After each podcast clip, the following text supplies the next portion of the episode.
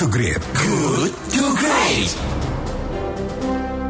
107,1 FM Kelight Bandung Inspiring Sound Anda masih bersama kami di Good to Great Because good is the enemy of great Dan saatnya seperti biasa saya mengajak Anda untuk mengikuti diskusi kita pagi ini Yang mengangkat topik tentang bagaimana menjaga konsumsi belanja masyarakat agar tidak melemah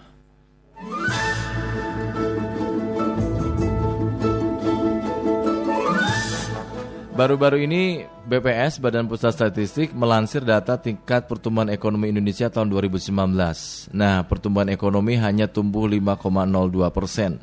Dari angka itu konsumsi masyarakat menyumbang 2,73 persen disusul investasi yang menyumbang 1,47 persen.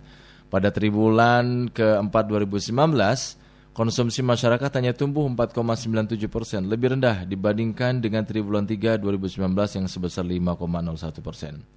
Sejumlah kalangan menilai pelemahan konsumsi sebagai penopang utama pertumbuhan ekonomi Indonesia mulai terlihat melemah sehingga harus dijaga agar tidak berlanjut. Pemerintah diminta untuk berhati-hati dalam mengeluarkan kebijakan agar tidak berdampak negatif terhadap kemampuan belanja masyarakat. Nah, berbagai langkah dibutuhkan untuk menghadapi resiko perekonomian global yang meningkat di awal tahun 2020 ini. Kendati resiko akibat perang dagang Amerika Cina sudah mulai sedikit mereda ya. Dunia malah sekarang lebih kepada uh, wabah virus corona. Nah, Direktur Eksekutif Center of Reform on Economics Core Indonesia Muhammad Faisal mengemukakan melihat kondisi global seperti sekarang yang ketidakpastiannya semakin tinggi, kita mestinya harus segera memperkuat ekonomi dalam negeri, harus memaksimalkan potensi ekonomi dalam negeri karena harapan terhadap kondisi luar juga tidak besar atau sangat tidak pasti. Itu artinya perekonomian di dalam negeri juga harus diperkuat ya. Eh, daya dukung konsumsi terhadap perekonomian juga mesti dijaga.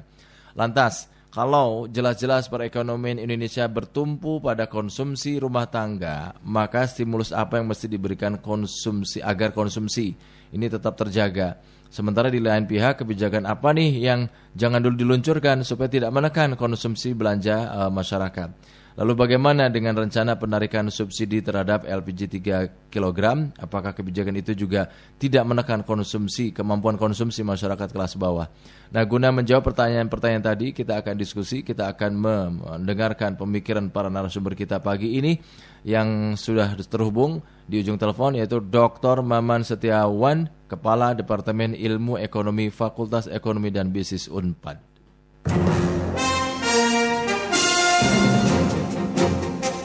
Selamat pagi Pak Maman. Selamat pagi Pak Jul. Apa kabar Pak Maman? Semua? Ya, eh, baik Pak. Pak Maman, ini baru-baru ini BPS melansir data tingkat pertumbuhan ekonomi Indonesia tahun 2019 di mana ekonomi kita ini hanya tumbuh 5,02 persen nih. Konsumsi masyarakat menyumbang 2,7 persen. Disusul investasi ya. Eh, nah, triwulan keempat 2019 konsumsi masyarakat hanya tumbuh 4,9 persen secara tahunan. Ini lebih rendah dibanding triwulan ketiga 2019 yang sebesar 5,01 persen secara tahunan. Gimana Anda melihatnya? Apa yang terjadi nih Pak Maman? Uh, betul Pak Jo ya. Um, konsumsi uh, bagaimana tadi disampaikan dari data BPS mengalami penurunan. Itu diakibatkan memang karena penurunan di beberapa komponen konsumsi ya, seperti hmm. misalkan di komponen pakaian alas kaki dan jasa perawatan, kemudian transportasi dan makanan dan minuman. Hmm. Dan tentunya uh, penurunan-penurunan tadi itu disebabkan karena uh, pelemahan ekonomi global ya yang tadi uh, Pak Jul hmm. sampaikan itu akibat perang dagang uh, Amerika Cina. Ekonomi ya antara Amerika dan Tiongkok, kemudian uh, apa kemarin juga Iran dan Amerika ya. Hmm. Hmm. Uh, itu permasalahan-permasalahan permasalahan-permasalahan tadi yang uh, mendorong tentunya ke apa ke uh, uh, pertumbuhan ekonomi dan konsumsi domestik. Hmm, hmm, hmm. iya iya. Terus kalau kalau kita jelas-jelas perekonomian kita bertumpu, pertanyaannya apakah benar uh, perlemahan uh, konsumsi ini sebagai apa artinya konsumsi ya kemampuan konsumsi uh, masyarakat Indonesia ini sebagai penopang utama pertumbuhan ekonomi Indonesia? Betul, uh, Pak Jul. Uh, kalau kita lihat data dari BPS kan terlihat bahwa kontribusi dari konsumsi uh, domestik itu sekitar 56 persen ya terhadap Hmm. PDB. Sehingga tentunya kalau kalau pertumbuhan di konsumsi ini menurun itu akan berdampak besar kepada uh, uh, produk domestik bruto dan pertumbuhan ekonomi kita. Hmm. Gitu. Kalau lantas ini jelas-jelas perekonomian kita bertumbuh pada konsumsi rumah tangga, jadi stimulus apa yang mesti diberikan ini ya supaya tadi ya konsumsi rumah tangganya bisa tetap terjaga gitu Pak Maman. Nah, sebetulnya eh, pemerintah sudah melakukan berbagai cara ya, termasuk Bank Indonesia. Kalau kita lihat dari apa pertengahan tahun lalu atau tahun lalu lah, Hmm. eh, Bank Indonesia sudah menurunkan eh, bunga acuan ya, iya. suku tingkat suku bunga secondary repo rate-nya itu sudah diturunkan sampai empat kali kalau nggak salah ya.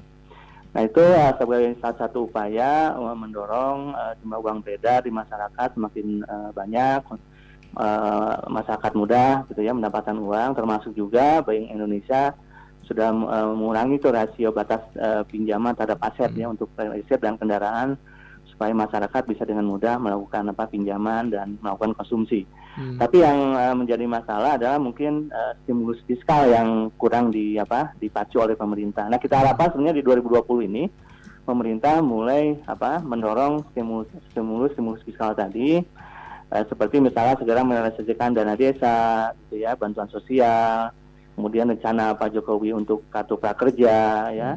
Dan kalau memang perlu merevisi batas penghasilan tidak kena pajak yang bisa kita naikkan sehingga nanti masyarakat bisa apa lebih leluasa untuk menggunakan eh, pendapatannya untuk eh, konsumsi gitu ya. Hmm. Selain itu tentunya eh, stimulus dalam jangka menengah dan jangka pendek yang dampaknya bisa kita terasa adalah mendorong ini apa eh, stimulus eh, fiskal berupa insentif ya Hmm. untuk agar eh, investasi di Indonesia itu semakin baik karena kan yang kita harapkan eh, untuk mendorong apa konsumsi itu dari sisi harga dan pendapatan. Nah, Hmm. investasi itu diharapkan bisa apa? Bisa mempertahankan pendapatan, meningkatkan pendapatan masyarakat, penyerapan tenaga kerja yang lebih baik di masa yang akan datang. Hmm. Seperti itu, Mas. Nah ini sel- selain program-program tadi, adakah program dari pemerintah yang justru malah kontraproduktif ya? Ini me- malah menghambat atau malah membuat tingkat konsumsi rumah tangga ini menurun. Ada nggak menurut Nah, anda Pak? nah, itu sebetulnya itu yang saya sebut eh, apa kurang sinergi antara eh, kebijakan moneter dan fiskal, terutama di tahun-tahun sebelumnya. Misalkan akibat kenaikan BPJS kan pemerintah berarti apa pendapatan masyarakat eh, ada alokasi yang tadinya digunakan untuk konsumsi makanan minuman, misalkan digunakan untuk ke- ke- akibat kenaikan eh, BPJS. Dan juga rencana eh, pemerintah yang menaik yang akan menaikkan eh, LPG juga itu eh, tentunya akan berpengaruh ya atau akan menggerus pendapatan masyarakat yang akan bisa berakibat kepada penurunan konsumsi masyarakat gitu. Hmm.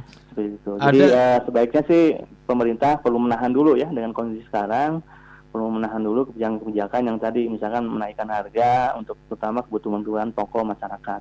Hmm, itu yang harusnya ditahan dan tidak diluncurkan supaya tidak Betul. menekan konsumsi belanja masyarakat Betul, ya. betul sekali, betul sekali, Pak. Hmm.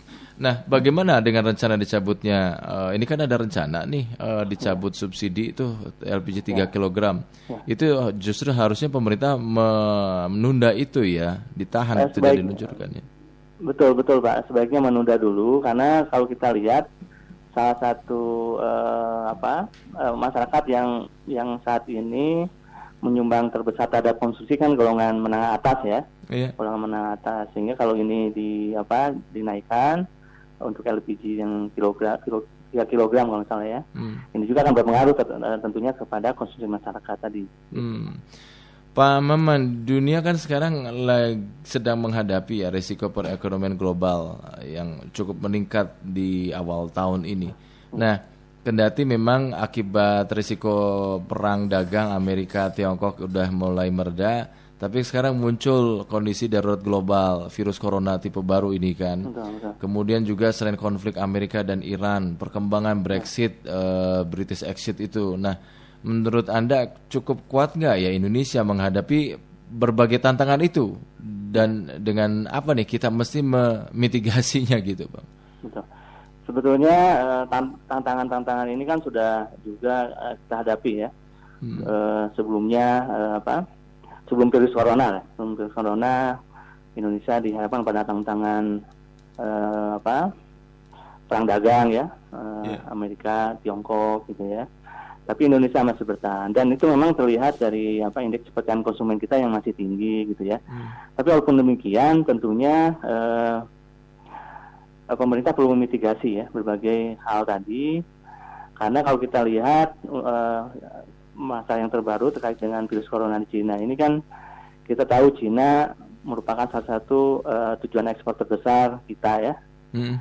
kemudian eh, Cina juga merupakan apa eh, negara dengan ekonomi terbesar setelah Amerika, importer terbesar minyak Cina. Tentunya ketika ada masalah virus corona, mereka terhenti ekonominya, ini akan berimbas pada Indonesia, gitu ya. Ini eh, berimbas ke Indonesia, ekspor kita tentunya akan apa terhambat, gitu ya. Karena ketika mereka eh, slow down di dalam ekonominya, tentu akan berdampak kepada demand ya ke Iya. input atau impor dari dari kita. Nah, eh, untuk mitigasinya tentunya pemerintah kalau terkait dengan ekspor tadi ya ke, ke pemerintah Cina, eh, pemerintah perlu ya mencari pasar baru atau mengoptimalkan Iya. ke pasar domestik yang cukup besar ya.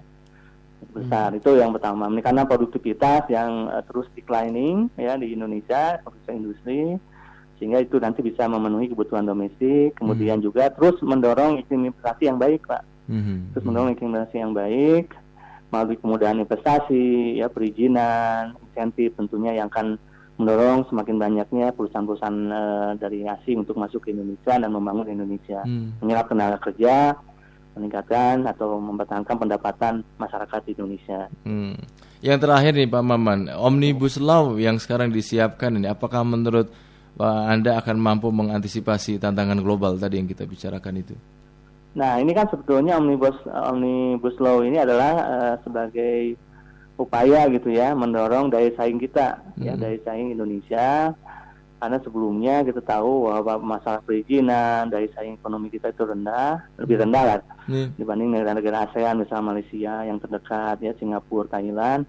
Nah, ini sebenarnya eh, upaya mengarah ke sana, mendorong daya saing melalui apa? Hmm. Melalui kemudahan eh, investasi gitu ya sehingga nanti ketika ada yang ingin investasi di Indonesia dipermudah. Tentunya kalau ini terjadi investasi di Indonesia semakin eh, baik lagi, tentunya akan mendorong daya saing ekonomi Indonesia dan kita siap untuk eh, apa memenuhi tantangan global gitu, menghadapi tantangan global. Hmm, baik, baik Pak Maman. Terima kasih atas waktunya kita Ya. berbincang-bincang pagi ini Pak Maman. Sama-sama Pak Ijo. Ya, selamat pagi, sukses untuk Anda. Selamat pagi. Pak. Ya, demikian sahabat kelet Dr. Maman Setiawan, Kepala Departemen Ilmu Ekonomi Fakultas Ekonomi dan Bisnis Universitas Pajajaran Bandung.